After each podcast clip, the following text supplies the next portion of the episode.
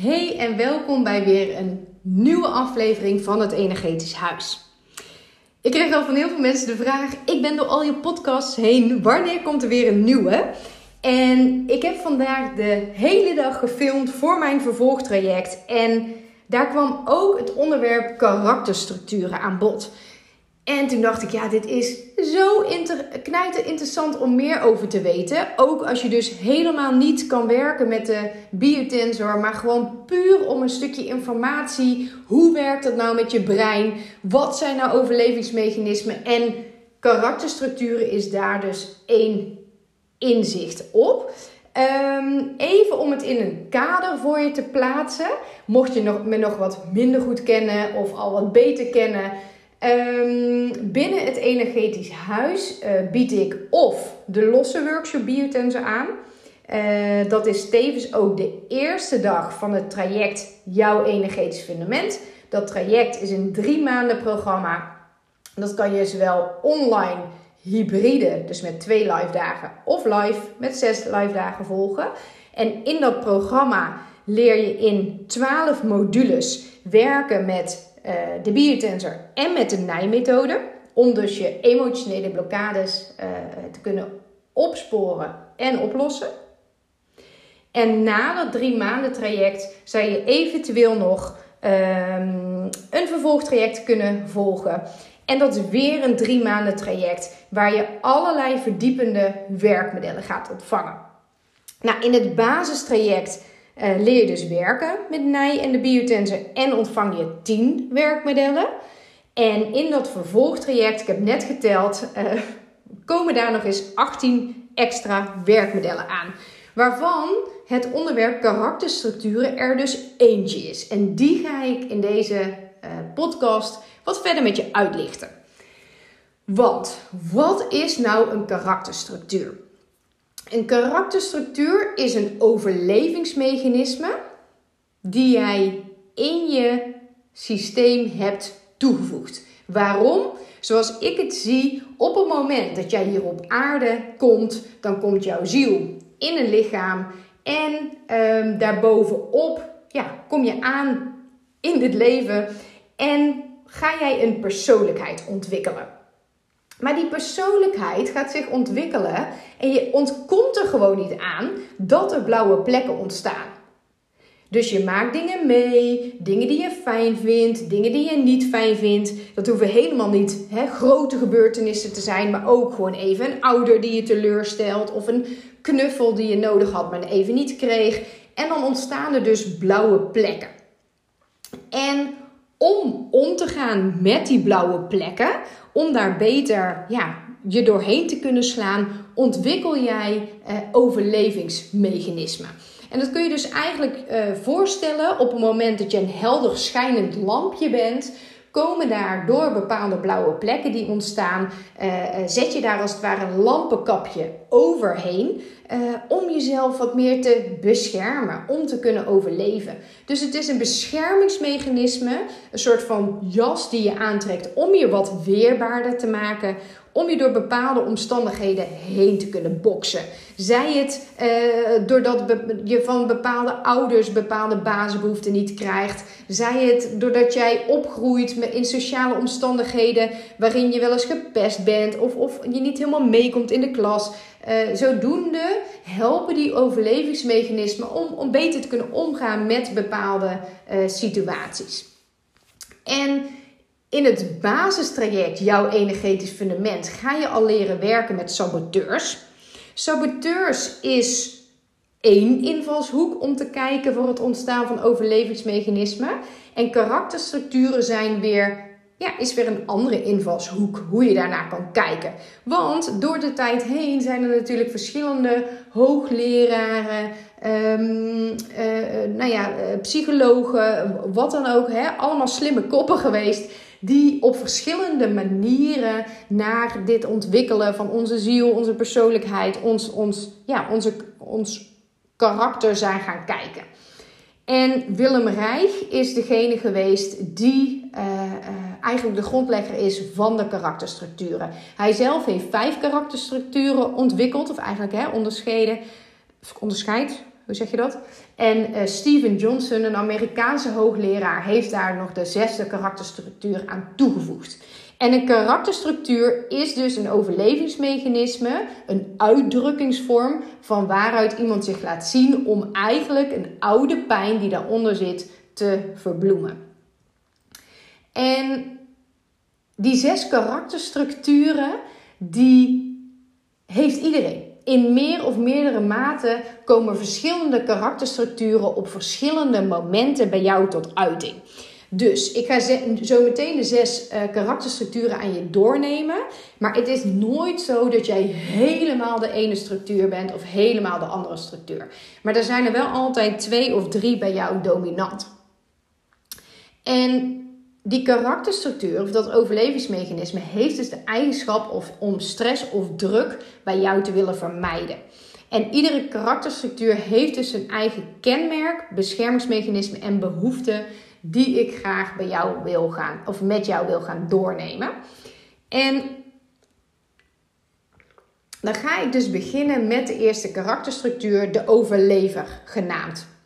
Of de oorspronkelijke benaming, de uh, schizoïde structuur, ofwel de afwezige structuur.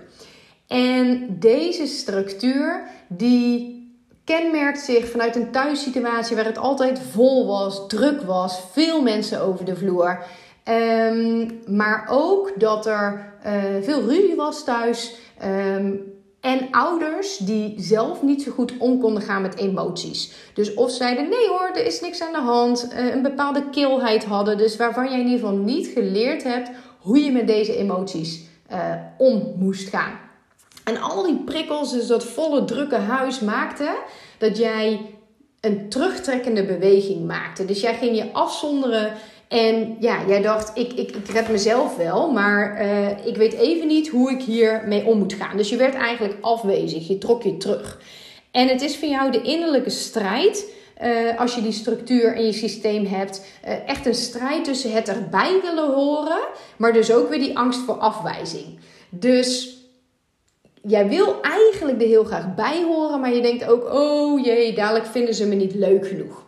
En vanuit dat oogpunt neem jij eigenlijk de uh, uh, actie om dus zelf, voordat iemand anders jou kan afwijzen, jezelf maar vast af te wijzen. Zodat ja, je eigenlijk terug te trekken zodat andere mensen jou niet meer kunnen afwijzen. Dus wat jij gaat doen, je staat niet graag in het middelpunt, je staat graag aan de zijlijn, je stelt je onzichtbaar op en het is dus moeilijk om contact met jou te leggen, althans emotioneel contact. Dus uh, op het moment dat jij druk ervaart, hè, of mensen leggen druk op jou, dan trek jij je terug. Waardoor mensen denken, huh, wat heb ik verkeerd gedaan? Uh, heb ik iets niet goed gedaan? En ja, om je eigenlijk af te zonderen van de rest. En jij denkt eigenlijk, weet je wat, ik heb genoeg aan mezelf. Uh, uh, hè, ik weet zeker dat, dat ik mezelf geen pijn kan doen. Althans, dan hoeft een ander het niet te doen. En jij hebt het gevoel van, hè, voel ik me wel helemaal welkom om jouw bestaansrecht dan wel te willen bewijzen, uh, ga jij veel kennis vergaren. Dus jij denkt, als ik nou maar die studie heb gedaan, als ik nou maar uh, uh, dit allemaal kan of dit allemaal weet, dan kan ik mijn bestaansrecht claimen. Een andere manier om jouw bestaansrecht te claimen of om te zeggen, hé, hey, hier ben ik, is dat jij jezelf bijzonder wil maken. Dus jij neemt een bepaalde uh, uiterlijk aan, wat, wat niet heel normaal is. Je gaat ineens een gekke hobby doen. Uh, um, en dat is eigenlijk best wel contrasterend met het eerdere wat ik zei, dat jij je niet graag in het middelpunt van de belangstelling staat. Want jij vindt het ook lastig om deel te nemen aan de maatschappij. Dus die terugtrekkende beweging maak jij en ja, je voelt je dan ook vaak sociaal gehandicapt. Hè? Van wat moet ik nou doen om er goed bij te horen?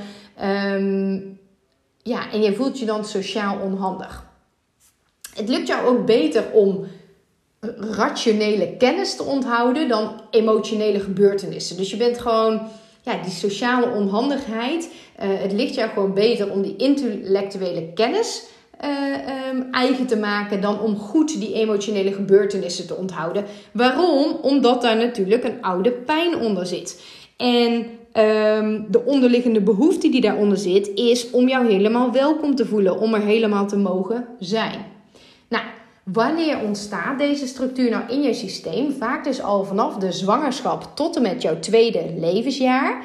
Um, wanneer jij ogenschijnlijk dus niet genoeg bewijs hebt gehad dat jij helemaal welkom was, dat jij helemaal gewenst was. Dat kan zijn omdat jij, ja, we noemen het dan vaak een ongelukje, maar omdat je niet helemaal gewenst was uh, uh, of ongepland, hè, de, de zwangerschap ongepland was.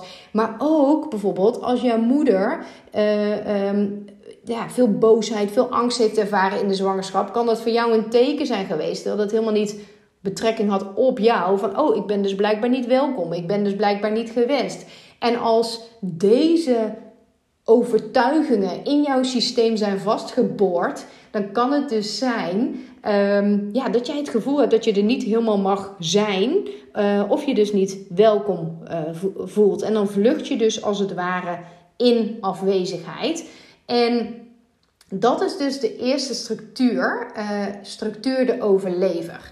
Nou, wat kunnen we nou in een consult of, of door middel van mij, hè, of je het nou zelf gaat doen of, of, of bij iemand anders gaat doen, dan kun je dus met deze karakterstructuur aan de slag. Dat je denkt, oh, maar nu snap ik dat als, het, als er veel druk op mij wordt afge, uh, uitgeoefend, dat ik, dat ik me terugtrek. Of dat ik het gevoel heb dat ik niet helemaal een eigen plek heb uh, op aarde of tussen de mensen of in, in mijn gezin. Um, en dat is de reden waarom ik me niet, niet zo welkom voel. Dan kunnen we dus aan de slag met ja, te gaan kijken waar komt dit vandaan? Waar is dit ontstaan dat jij dit dus blijkbaar voelt? En door middel van de nijmethode kunnen we dus terug naar dat moment waar dat is ontstaan, die emotionele blokkade opsporen, kijken wat je daar gevoeld hebt en alsnog verwerken in jouw systeem.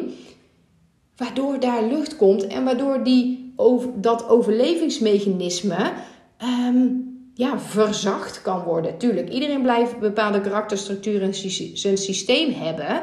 Maar het is niet nodig om dat soort zware programmeringen nog in je systeem te hoeven draaien. Want dat gevoel wat jij wellicht hebt gevoeld toen jij nog niet eens geboren was, dat je niet gewenst was, is misschien niet eens waar. Maar heb jij in je systeem geprogrammeerd. En daarom is het zo super fijn om dat soort grote triggers uit je systeem te bannen. Waarom? Waardoor er weer meer lucht komt en je dus ook niet op dit moment gaat teruggrijpen naar een oude trigger die niet eens nodig is om te voelen op dit moment. En waardoor een situatie vanuit, de huidige, vanuit het huidige leven als minder zwaar kan worden ervaren en dus schoner gevoeld kan worden. En dat is dus uh, waarom het zo interessant is om verschillende werkmodellen te hebben om ja, om met, met een huidige klacht aan de slag te kunnen.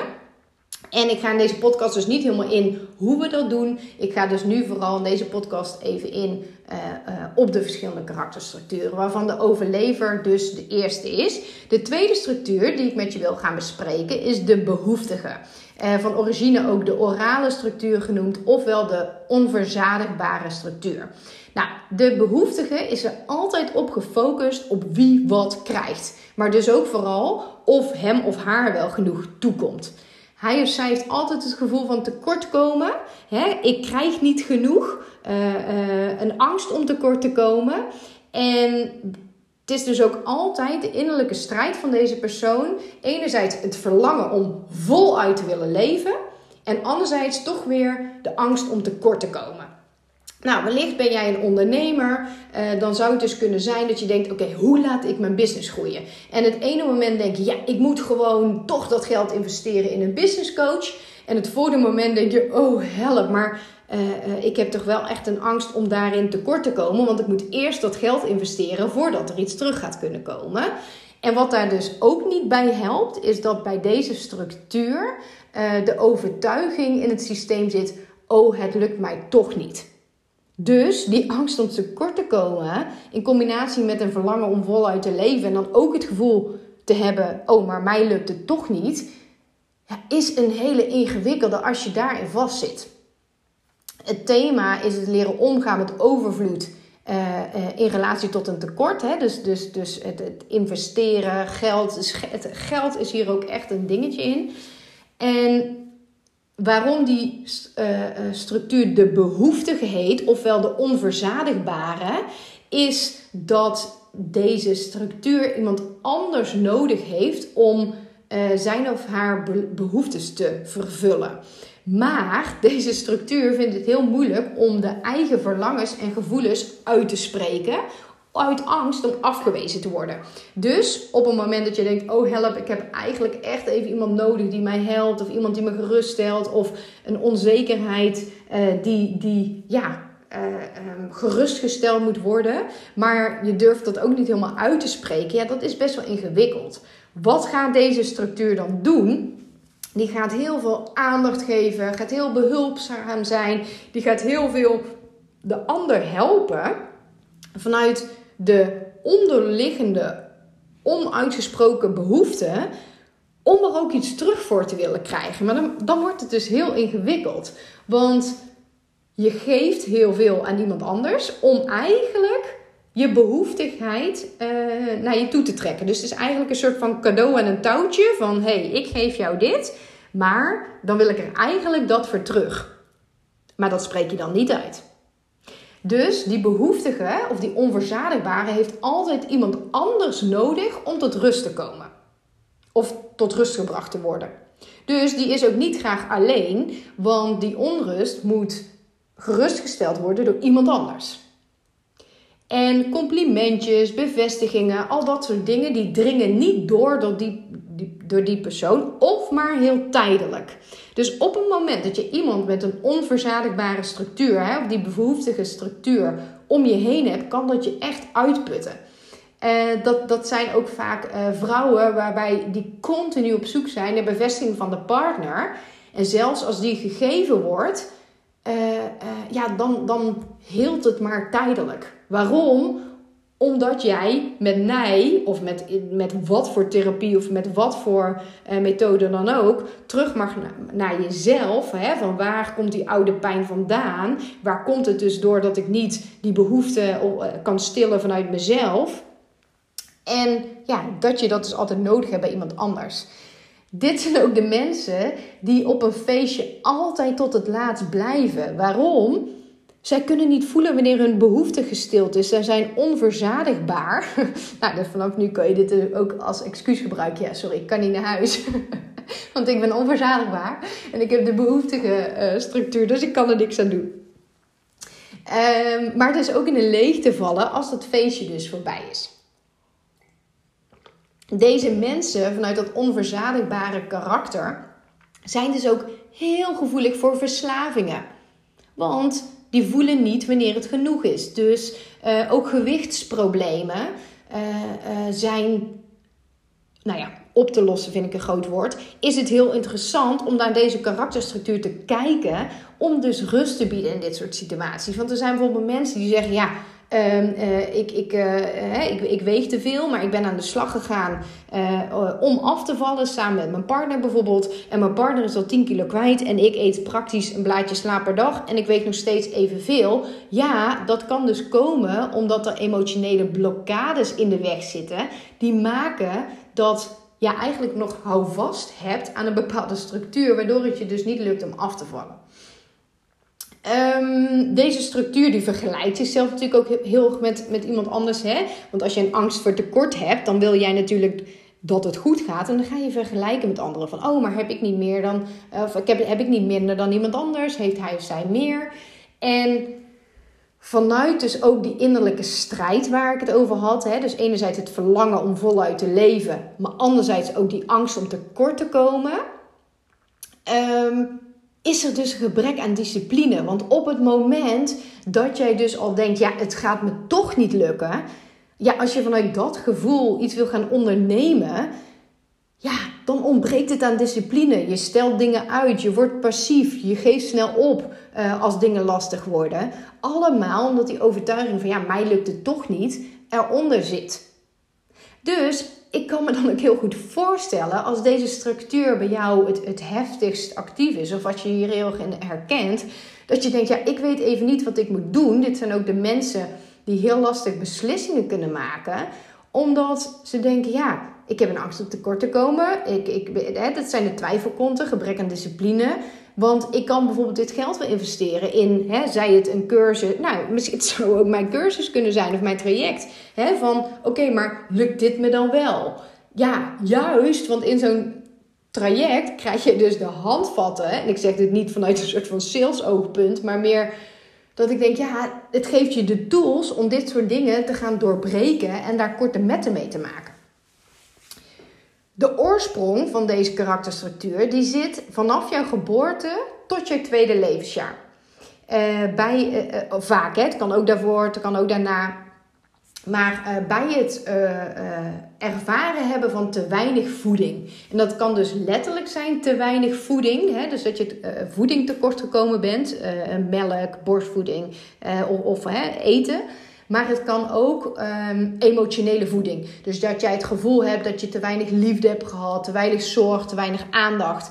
En dat kan bijvoorbeeld zijn als jij een uh, tweede of derde kind bent en, en de focus moest verdeeld worden tussen verschillende kinderen. Maar ook op het moment dat je eigen ouders behoeftig waren uh, um, dus jou niet genoeg konden geven. Uh, kan zijn dat ze een depressie hebben, burn-out, uh, dat ze het al zwaar genoeg hadden met zichzelf. Ja, wat je niet hebt, kun je ook niet geven. Dus dan kan dus die behoeftige structuur ontstaan. Dus de tweede karakterstructuur. Ik ga door met de derde karakterstructuur en dat is de versmelter genaamd. van origine ook de symbiotische of de versmeltende structuur dus. En dit is de uh, structuur die heel slecht kan voelen wat hij of zij zelf wil.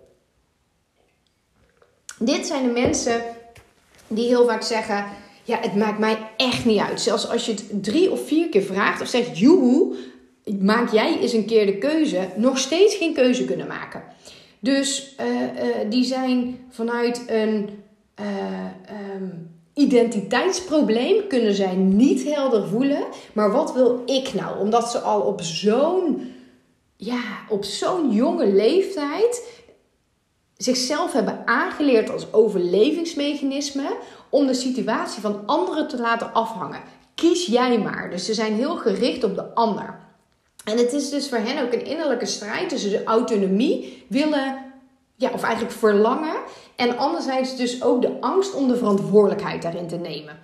En zij zijn echt, je kunt ze het best omschrijven als een chameleon. Dus in de ene situatie zijn ze heel erg uh, meegaand in de familie. Uh, dan wordt er weer verwacht dat ze dingen regelen. Oh, nou dan doe ik dat toch. Waardoor vrienden of, of familie, of hè, als, als, als je een karakterstructuur, de versmelter in, in, in je omgeving hebt, dat je wel eens denkt: maar wie ben jij nou eigenlijk? Wie, wie ben jij? Want je leidt je wel als een chameleon te voegen naar wat de situatie waar je vraagt. Ja, en dat is ook wat jij doet als overlevingsmechanisme. Die uh, persoon kan zich dus heel makkelijk in iemand anders verplaatsen. En grote, grote, grote kwaliteit is dat deze structuur uh, mega sensitief is. Dus die voelt al, zonder dat iets verteld wordt, wat er aan de hand is. En, en dat is dan ook weer de valkuil, kan daar dus ook heel goed op anticiperen. Waardoor, ja, dat heel fijn is voor de ander vaak, maar niet altijd voor jezelf. Wat dus ook een valkuil is voor deze structuur, is je durft de confrontatie niet aan te gaan. Je durft niet nee te zeggen. Dus je maakt ook geen keuzes. Je doet alles waardoor je of een hele onrealistische planning maakt.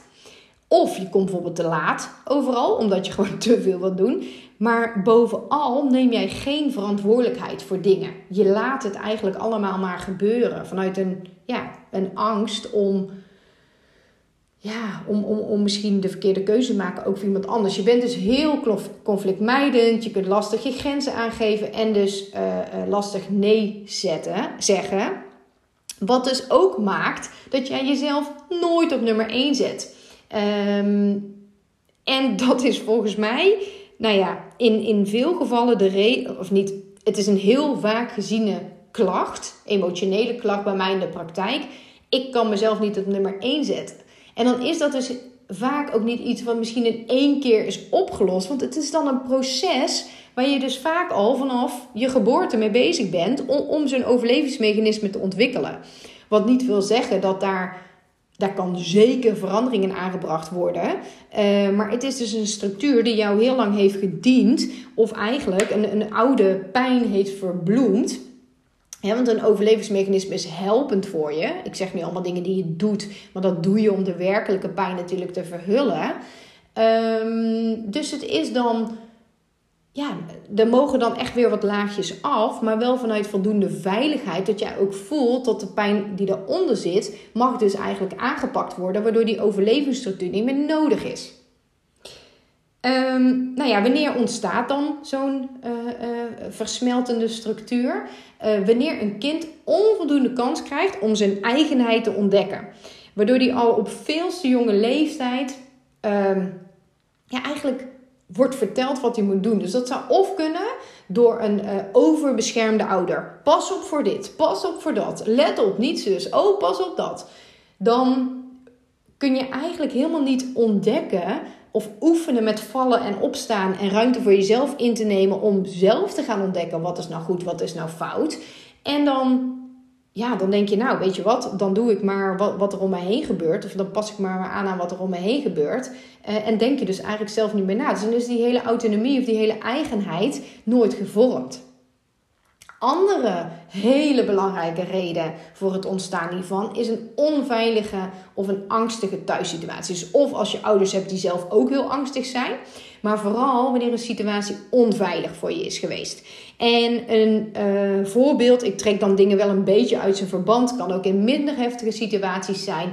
Maar op het moment dat jij een ouder hebt gehad, die bijvoorbeeld een zwaar alcoholprobleem had, en die dus het ene moment poeslief was en het andere moment in, in, de, in een dronken toestand agressief was, dan ben jij dus altijd op je hoede hoe jij weer die persoon aantreft. En dan ga jij dus logischerwijs ook als een chameleon op je hoede zijn en je aanpassen aan wat die persoon op dat moment van je vraagt. En dat is dan aangeleerd gedrag, vaak al vanaf 1, 2, 3, 4 jaar oud.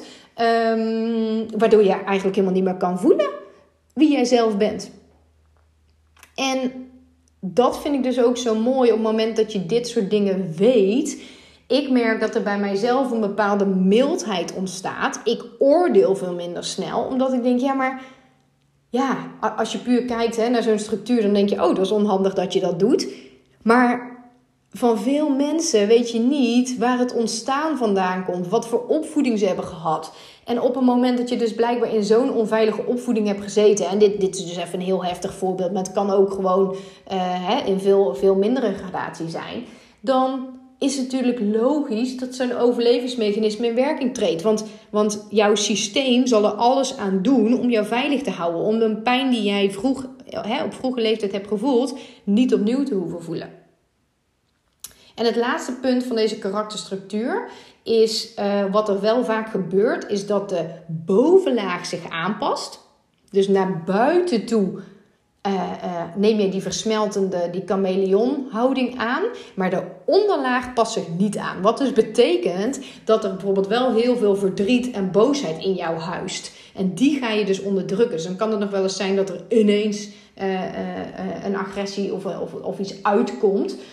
zo van tot hier en niet verder. En dat je als het ware ineens ontploft, omdat daar natuurlijk heel veel emoties zich hebben opgestapeld. Dus dat is de uh, versmeltende structuur. Zijn we al door drie structuren heen, nog drie structuren te gaan. En ik ben benieuwd, waarschijnlijk, nou, kan me voorstellen dat je in bepaalde structuren uh, bepaalde dingen gaat herkennen, of hebt herkend en nog gaat herkennen. En ik ben benieuwd of je aan het einde ziet hebt, oh ja, ik denk wel dat deze twee structuren bij mij het meest uh, ja, aan de orde zijn. Sowieso, om alvast even mee te geven, dus mocht je die overlevensstructuur, dus dat is die zich niet helemaal welkom voelt of er niet mag zijn of hè, niet, niet helder een eigen plek kan voelen, of die versmelter hebt, hè, dus wie ben ik nou, die, die we net besproken hebben, dan is het dus heel belangrijk om goed te aarden. Om dus eigenlijk altijd, maar voor deze twee hè, bovenmatig, om, om dichter bij jezelf te komen wie ben ik? Wat ben ik? Wat voel ik? Dus dat helder kunnen voelen is voor die twee heel belangrijk. Dan gaan we door met de strijder. De vierde karakterstructuur die ik ga bespreken. van origine de psychopathische uh, karakterstructuur genoemd of de wantrouwende karakterstructuur. Vind ik ook altijd heel veel al uh, zeggen. Um, even kijken hoor. Oh, ik zit even verkeerd. Ja, de strijder. Uh, de strijder is, heeft eigenlijk een basishouding uh, dat het vertrouwen van en het vertrouwen op de ander een uitdaging is. Want die heeft bepaalde momenten in zijn leven meegemaakt dat zijn vertrouwen is geschaad. Dus die is alert op verraad en die weet het gewoon als iemand anders het niet goed met hem of haar voor heeft. Of ja, die betwist dat altijd. Dus die is altijd waakzaam. Op het moment dat er hulp aangeboden wordt, dan denkt hmm, dat is verdacht. Is dat gewoon hulp of zit daar een addertje onder? Of zit daar een andere reden onder? En uh, dat kan bijvoorbeeld ontstaan zijn op een moment dat uh, jouw uh, moeder jou een olijf heeft aangeboden en zegt: Hier, is een druif, eet maar lekker op. Vanuit de gedachte van: hé, hey, dan proeft dit misschien. maar dan kan dus jouw vertrouwen geschaad zijn. En dit is even een heel klein dingetje. Het is niet meteen dat daar. niet per se dat daar meteen een karakterstructuur van oppopt. Maar het hoeft dus niet altijd de grote dingen te zijn. Dat, dat je bedrogen bent in een relatie. Het kan dus ook vanuit kleinere dingen ontstaan zijn. Dus als hè, je ouders bepaalde ja, dingen hebben gedaan om jou over de streep te helpen, kan dat dus ook, ook het vertrouwen hebben geschaad. Terwijl dat dus heel goed bedoeld is vanuit je ouders. Het is bij deze structuur altijd de innerlijke strijd. Dus het verlangen hebben om zich helemaal te willen geven aan iets. Hè? Dus het willen vertrouwen. Maar ook weer dus die angst om verraden te worden. Dus je wil wel, maar je kan niet of je durft niet vanuit een oude pijn. Hoe je dat gaat vermaskeren uh, vanuit de straat is door status. Dus jouw succes als karakterstructuur, de strijder, is jouw eigenwaarde of bepaalt jouw eigenwaarde. Dus een dure auto, een, een, een groot huis, een mooi pak of mooie kleding. En de uh, structuur, de strijder, voelt zich ook altijd iets meer dan de rest. Dus die kan zich heel goed boven een ander plaatsen. Dus ook machtsverhoudingen is een dingetje bij hem of haar. Uh, hij of zij wil heel graag in control zijn, dus bepalen. En ook een beetje slinks. Soms kan die een paar stappen vooruit denken en denken: oké, maar als ik het nou zo speel of zo doe, dan krijg ik het allemaal wel voor elkaar. Um, hij neemt ook vaak in, ik, ik zeg vaak hij, maar ook zij, neemt vaak initiatief.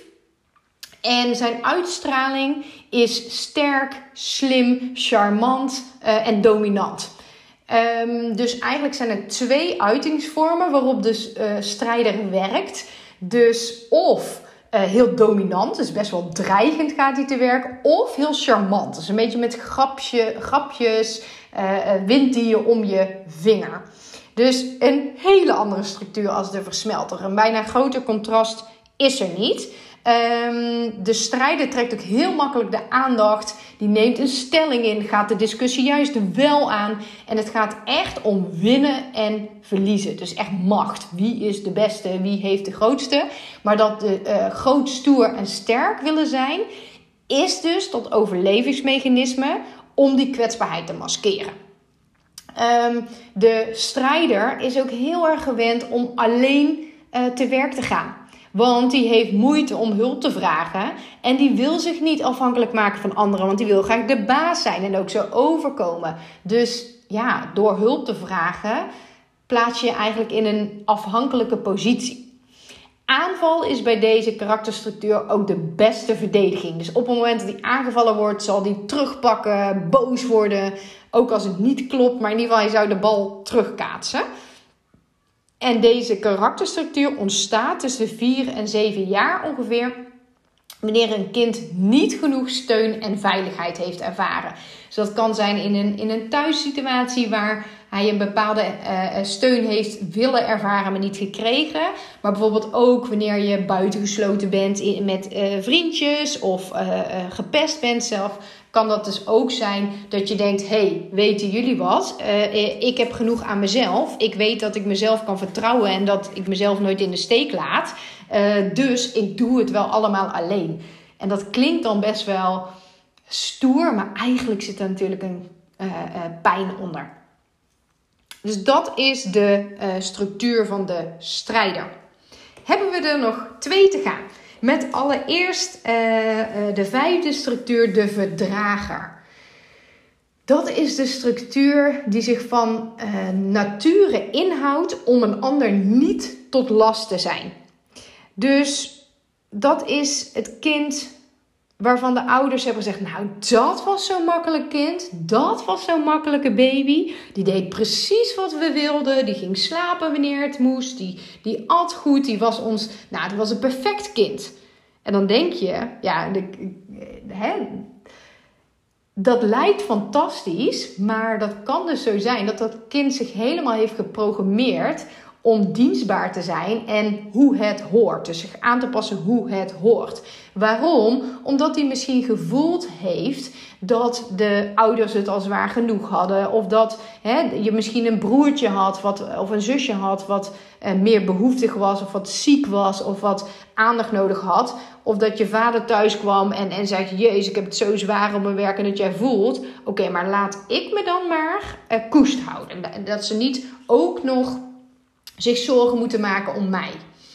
En uh, dat is ook de persoon die het heel lastig vindt om te zeggen, iets te zeggen wat voor een ander vervelend is, dus heel conflictmijdend is, uh, maar daardoor ook omdat hij de ander niet wil zien lijden, dat lijden wil overnemen of op de schouders wil nemen en daarmee over zijn eigen grenzen heen gaat. Um, het is dan ook een innerlijke strijd tussen het helemaal jezelf mogen zijn en helemaal jezelf mogen uiten en het jezelf uh, afstraffen hierin. Dus dat je eigenlijk niet plezier mag hebben als iemand anders lijdt. Snap je wat ik bedoel? Het thema hierin is dan ook het om kunnen gaan met het balans tussen jezelf aanpassen en het jezelf mogen zijn. Want die twee die mogen natuurlijk naast elkaar staan, maar de verdrager die verliest zich erin om zichzelf ja, eigenlijk, eigenlijk uh, uh, het lijden van de ander groter te maken of meer belangrijk dan het zichzelf mogen zijn. Die wil ook alles oplossen. En dat is een hele belangrijke. Die gaat over zijn eigen grenzen heen, neemt het lijden van anderen over. Die gaat continu door om het te willen oplossen. En uh, burn-out ligt hierin ook op de loer. Want de verdrager kan heel veel verdragen um, totdat het knapt. En de balans tussen geven en nemen is bij hem verstoord bij hem of haar. Uh, want hij kiest niet voor zichzelf uit schuldgevoel. Hè? Dus hij zal nooit gaan genieten of plezier maken als iemand anders het zwaar heeft. En die heeft alles voor de ander over. En die draagt heel veel. Totdat hij zich realiseert dat die schuld niet wordt ingelost. Mooi voorbeeld hierbij is op een moment dat jij uh, uh, al tien keer tegen je werkgever hebt gezegd: van ja, mijn collega loopt de kantje vanaf. Ik ben al twee jaar zijn shit aan het opruimen. En keer op keer op keer op keer wordt hier niks mee gedaan. Dan kan het dus zijn dat jij uit het niks snapt. Of althans, ogenschijnlijk uit het niks snapt. Um, omdat je eigenlijk het hebt laten opstapelen. Want continu ben je die on, onvrede aan het onderdrukken geweest. Hè, van uh, eigenlijk aan het inslikken.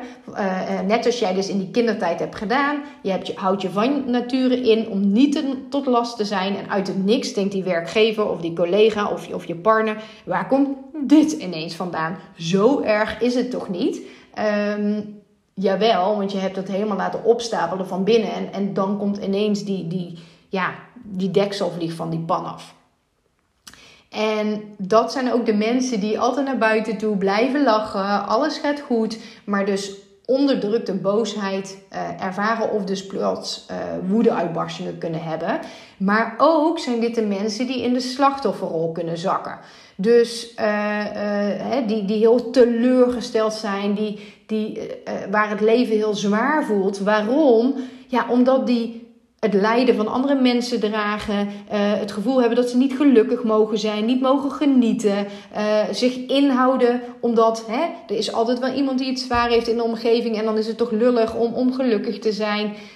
Um, het, voor anderen zijn dit hele fijne ja, mensen om op te kunnen bouwen. Want ze hebben oog voor het lijden van ander en die dragen dit echt met jou mee. Maar ja, ze moeten zorgen dat ze niet zelf onder bezwijken. Want in een relatie kunnen ze heel onderdanig zijn. Nou, laten we even teruggaan naar de vorige, vorige karakterstructuur, de strijder. Uh, je kunt echt uh, ondergeschikt worden. Hè? Dus dan een hele dominante partner hebben. En, en helemaal als je dan ook nog een verdragende structuur hebt, kun je super onderdanig worden kan ook zijn hè, dat ook, ook al is jouw partner niet eh, direct heel dominant, dat er toch hele scheve verhoudingen ontstaan. Dat jij veel meer taken op je neemt. Um, en omdat je dus ook conflictmijdend bent, ga jij dat dus ook vermijden. Want jij onderdrukt alle emoties. Jij stopt alle emoties weg. En dit zijn dus, is dus ook weer een structuur waar uh, overgewicht uh, in tot uiting kan komen als klacht. Want die vastgezette boosheid en die, uh, dat opgesloten verdriet kan worden weggegeten en de troost kan worden gezocht in eten. Omdat er zoveel emoties vastgezet worden in jouw lichaam, hè, kan dat gewicht zich dus ook gaan vastzetten. Dus dit is echt een structuur uh, ja, waar ook een lage energie bij kan horen. Want je werkt super hard, je doet superveel, maar het voelt alsof je niet vooruit komt of iets dergelijks. Dus dat is de structuur, uh, uh, de verdragende structuur. En dan hebben we nog één structuur over. En dat is de presterer, ook wel de rigide structuur genoemd of de afstandelijke structuur. En dat is de structuur die het gevoel heeft nooit goed genoeg te zijn. Dat is in een vroege, hè, weer in de kindertijd ontstaan. En vanuit dat gevoel van niet goed genoeg te zijn, handel jij. Dus wat ga jij doen? Vanuit de behoefte om te voldoen aan de verwachtingen ontstaat perfectionisme. Dus je gaat nog harder werken om te voldoen aan de verwachtingen. En dat kan dus bijvoorbeeld zijn als je ouders, uh, uh, hè, als jij het gevoel had dat ze jou niet zagen. En op een moment dat jij nou, de beste was in zwemmen of de beste was in hockey, dat nou, je daarmee een connectie voelde met jouw vader of liefde voelde bijvoorbeeld. En dan dacht, oh, maar als ik het goed doe, als ik het nou fantastisch doe, nou dan ben ik leuk. Dus je gaat die lat hoog leggen, je gaat strijd, uh, uh, uh, streng zijn voor jezelf om maar leuk gevonden te worden. Dus dat is jouw overlevingsmechanisme. Je hebt dan ook een innerlijke strijd tussen het helemaal geven van jezelf en de angst om daarin afgewezen te worden. Hè? Dus je wil graag leuk gevonden worden. Um, wat maakt dat jij die lat zo hoog legt dat er dus geen ruimte is voor jouw emoties. Je hebt geen contact met jouw eigen binnenwereld. Praten over emoties, uh, wat is dat, hoe moet dat? Um, dus je kunt ook een beetje als gevoelloos, cool en kil worden ervaren. Waarom? Jij creëert afstand om jouw kwetsbaarheid maar niet te hoeven tonen. Dus je wordt een beetje gevoelloos, je kunt een beetje trots en uit de hoogte overkomen. En dit zijn ook de mensen die een beetje het perfecte plaatje uh, uh, schetsen. Dus ze zijn niet alleen perfectionistisch, maar ook alles gaat altijd goed, alles perfect, alles, ja, alles uh, um, gaat zo voor de wind. Maar dat streng zijn voor zichzelf um, ja, hakt daar natuurlijk ook best wel in. Want je wil mensen niet dichtbij laten komen. Je verschuilt dat vaak door, oor, door te oordelen. Dus, dus je bent vaak heel oordelend als je deze structuur hebt. Um, en uh, in, in relatie nog even tot het streng zijn voor jezelf. Feedback zie je dus ook als kritiek. Van oh, ik heb het blijkbaar dus niet goed gedaan. En uh, als je deze karakterstructuur in je systeem hebt, dan blink jij dus ook vaak uit op sportief of intellectueel gebied. Dus jij bent er vaak ergens heel goed in, maar jij kunt dus ook heel goed inschatten waar jij goed in bent. Want je zult ook niet zo snel iets gaan doen waar jij niet goed in bent. Dus omdat jij dus competitief bent en wil winnen. Een heel mooie, want ik herken mezelf ook wel in deze karakterstructuur, is een persoonlijke ervaring van mezelf uh, uh, in relatie tot zeilen bijvoorbeeld. Ik wil ook het altijd heel graag goed doen. En uh, toen ik iets met mijn vriend Klaas kreeg, zijn hele schoonfamilie zeilt. Dus het zou natuurlijk heel erg leuk zijn als ik daar ook een liefde voor zou ontwikkelen. Dus ik merkte dat die druk daar best wel op stond bij mij. Maar ik heb dus ook altijd, um, ja, ik wil ook altijd overal de beste in zijn. Althans, in veel dingen wel. Of die aanleg heb ik, laat ik het zo zeggen. Dus ik merkte dat, dat uh, uh, wij een paar jaar geleden ook een beetje gedoe hadden onderling. Omdat ik net een klein kind werd als het over zeilen ging. Uh, dat ik me daar een beetje van af ging zetten. Ik wilde het eigenlijk niet echt leren. Um, maar waarom dus? Ja, omdat ik zij hadden allemaal 30 tot 60 jaar zeilervaring. Ik kan natuurlijk niet binnen één weekend beter zeilen dan zij met een heel leven achter zich. Dus dat is dan die karakterstructuur, de presteerder die bij mij getriggerd wordt. Um, waardoor, nou kom ik eigenlijk op, op het volgende stukje. Dan ga ik dus op safe spelen en dan ga ik het niet doen. Dus dan geef ik me eigenlijk al op voorbaat uh, gewonnen. En dan ga ik dus een soort van nou, bozig kind worden of zo. Nou, gaat inmiddels gelukkig beter. Maar de uh, karakterstructuur, de presteerder, handelt dus vanuit voorzichtigheid. Die weegt alles heel goed af van oké, denk je dat ik dit kan? Uh, en die handelt van daaruit. Maar dus ook een soort van dwangmatige controle kan daar ontstaan. Dus op een moment dat de karakterstructuur, de presteerder, spanning ervaart, kan ordenen en opruimen ook een soort van dwangmatig worden. Nou, Um, en de spontaniteit verdwijnt dan natuurlijk ook helemaal, want het moet allemaal. Hè? En, ook uh, um, de, de, hoe noem je dat woord nou? Uh, discipline. Uh, de presteerders hebben hele sterke discipline. Ten koste van, ja, die voelen vaak niet als ze moe zijn. Het is niet, ook als de spontaniteit weg is of ze vinden het niet meer leuk, ja, dan hebben ze het eenmaal aan hun hoofd en dan gaat het dus ook gebeuren. Deze karakterstructuur, afsluitend, ontstaat tussen het vierde en het zevende levensjaar, wanneer er dus veel druk op het kind wordt uitgeoefend. waardoor misschien uh, het kind iets moet doen wat hij nog niet kan. Of wanneer er heel veel verwachtingen op een bepaald kind liggen. Van oké, nou jou allebei jouw uh, zusjes hockeyen. Dus het zou wel superleuk zijn als jij dat ook wil. Dus dan ervaar je een bepaalde druk. Waardoor ja, je eigenlijk zelf niet de, de, uh, kan kijken wat je zelf wil. Omdat er al zoveel verwachtingen op dat stuk zijn. En ieder kind wil van nature in de smaak vallen en leuk gevonden worden. Dus nou, dan kan deze structuur dus ook ontstaan. Dat waren ze. Dat waren de zes karakterstructuren, de overlevingsmechanismen die in jouw systeem kunnen zitten. Uh, of dat uit kunnen komen en dus ook weer graderen. Hè? Dus als jij bepaalde triggers meemaakt. Dus ik kan me bijvoorbeeld voorstellen op het moment uh, dat uh, jij moeder wordt of ouder wordt. Hè? Of ouder wordt, dus je krijgt kinderen. Um, dat dan bijvoorbeeld je veel meer je kinderen op één gaan zetten dan jezelf. En dat dat dus een andere trigger is dan als jij bijvoorbeeld in je studententijd lang levende lol zit. Dus bepaalde karakterstructuren graderen ook weer door bepaalde triggers die jij meemaakt. En weer nieuwe triggers die jij natuurlijk ontwikkelt. En nu moet ik er ook bij zeggen, want de meeste uh, karakterstructuren ontwikkelden zich dus al tussen je tweede en je ja, uh, vijf, vijf, zes, zeven, uh, zevende levensjaar. Ik heb op dit moment ook één kind van twee en één kind van vijf. Als ik dit ze allemaal vertel en ook op mijn eigen situatie uh, projecteer, dan denk ik: holy shit, het is wel intens dat uh, um, ik nu een kind van 2 en 5 heb en dus midden in de ontwikkeling van dit soort overlevingsmechanismen zit. Um, en dat is ook zo. En tegelijkertijd doen we wat we kunnen en doe je je best. En ontkom je er niet aan. Hè, als ik dan weer helemaal teruggrijp naar wat ik aan het begin zeg. Een persoonlijkheid ontkomt er niet aan dan dat er blauwe plekken gaan ontstaan. Alleen, het is dus wel heel fijn om dit soort dingen, ja, om inzicht en kennis van dit soort dingen te hebben. En um, ja, een beetje hou vast aan wat voor dingen er zouden kunnen gebeuren.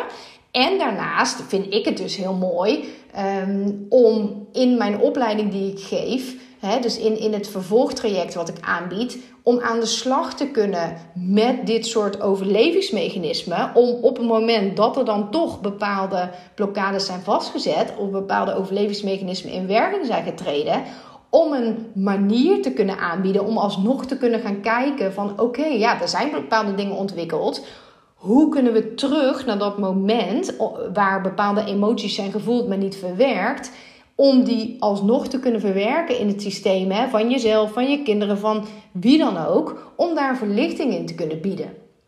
En dat is toch mega gaaf.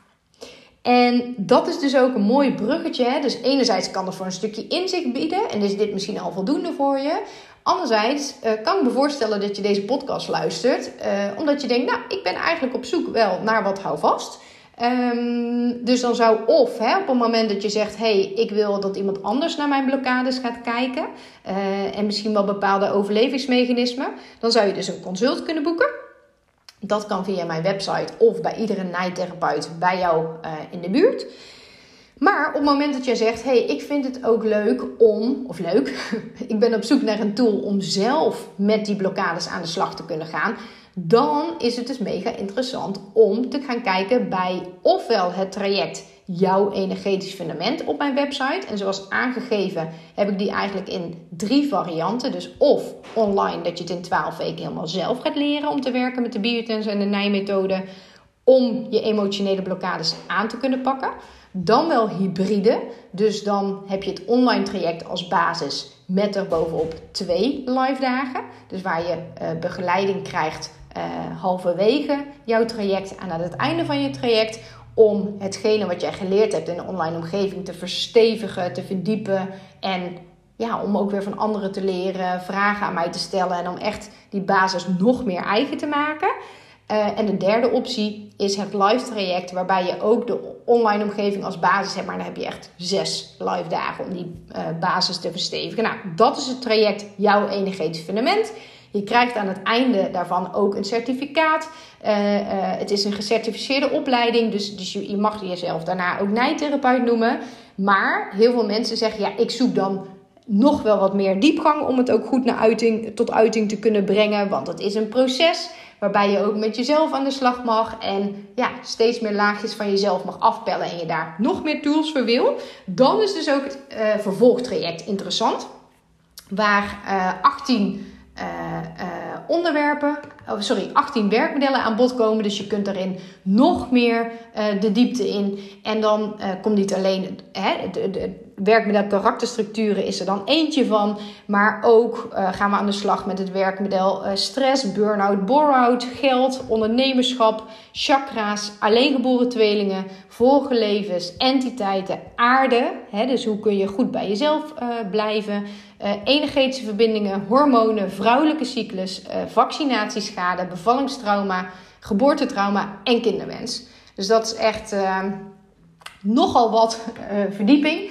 Dus, um, nou ja, je weet een beetje nu wat de opties zijn. En hoe fijn is het, ook al heb je geen interesse om, om, om nu iets er zelf mee te gaan doen, dat je dit stukje inzicht alweer hebt mogen krijgen.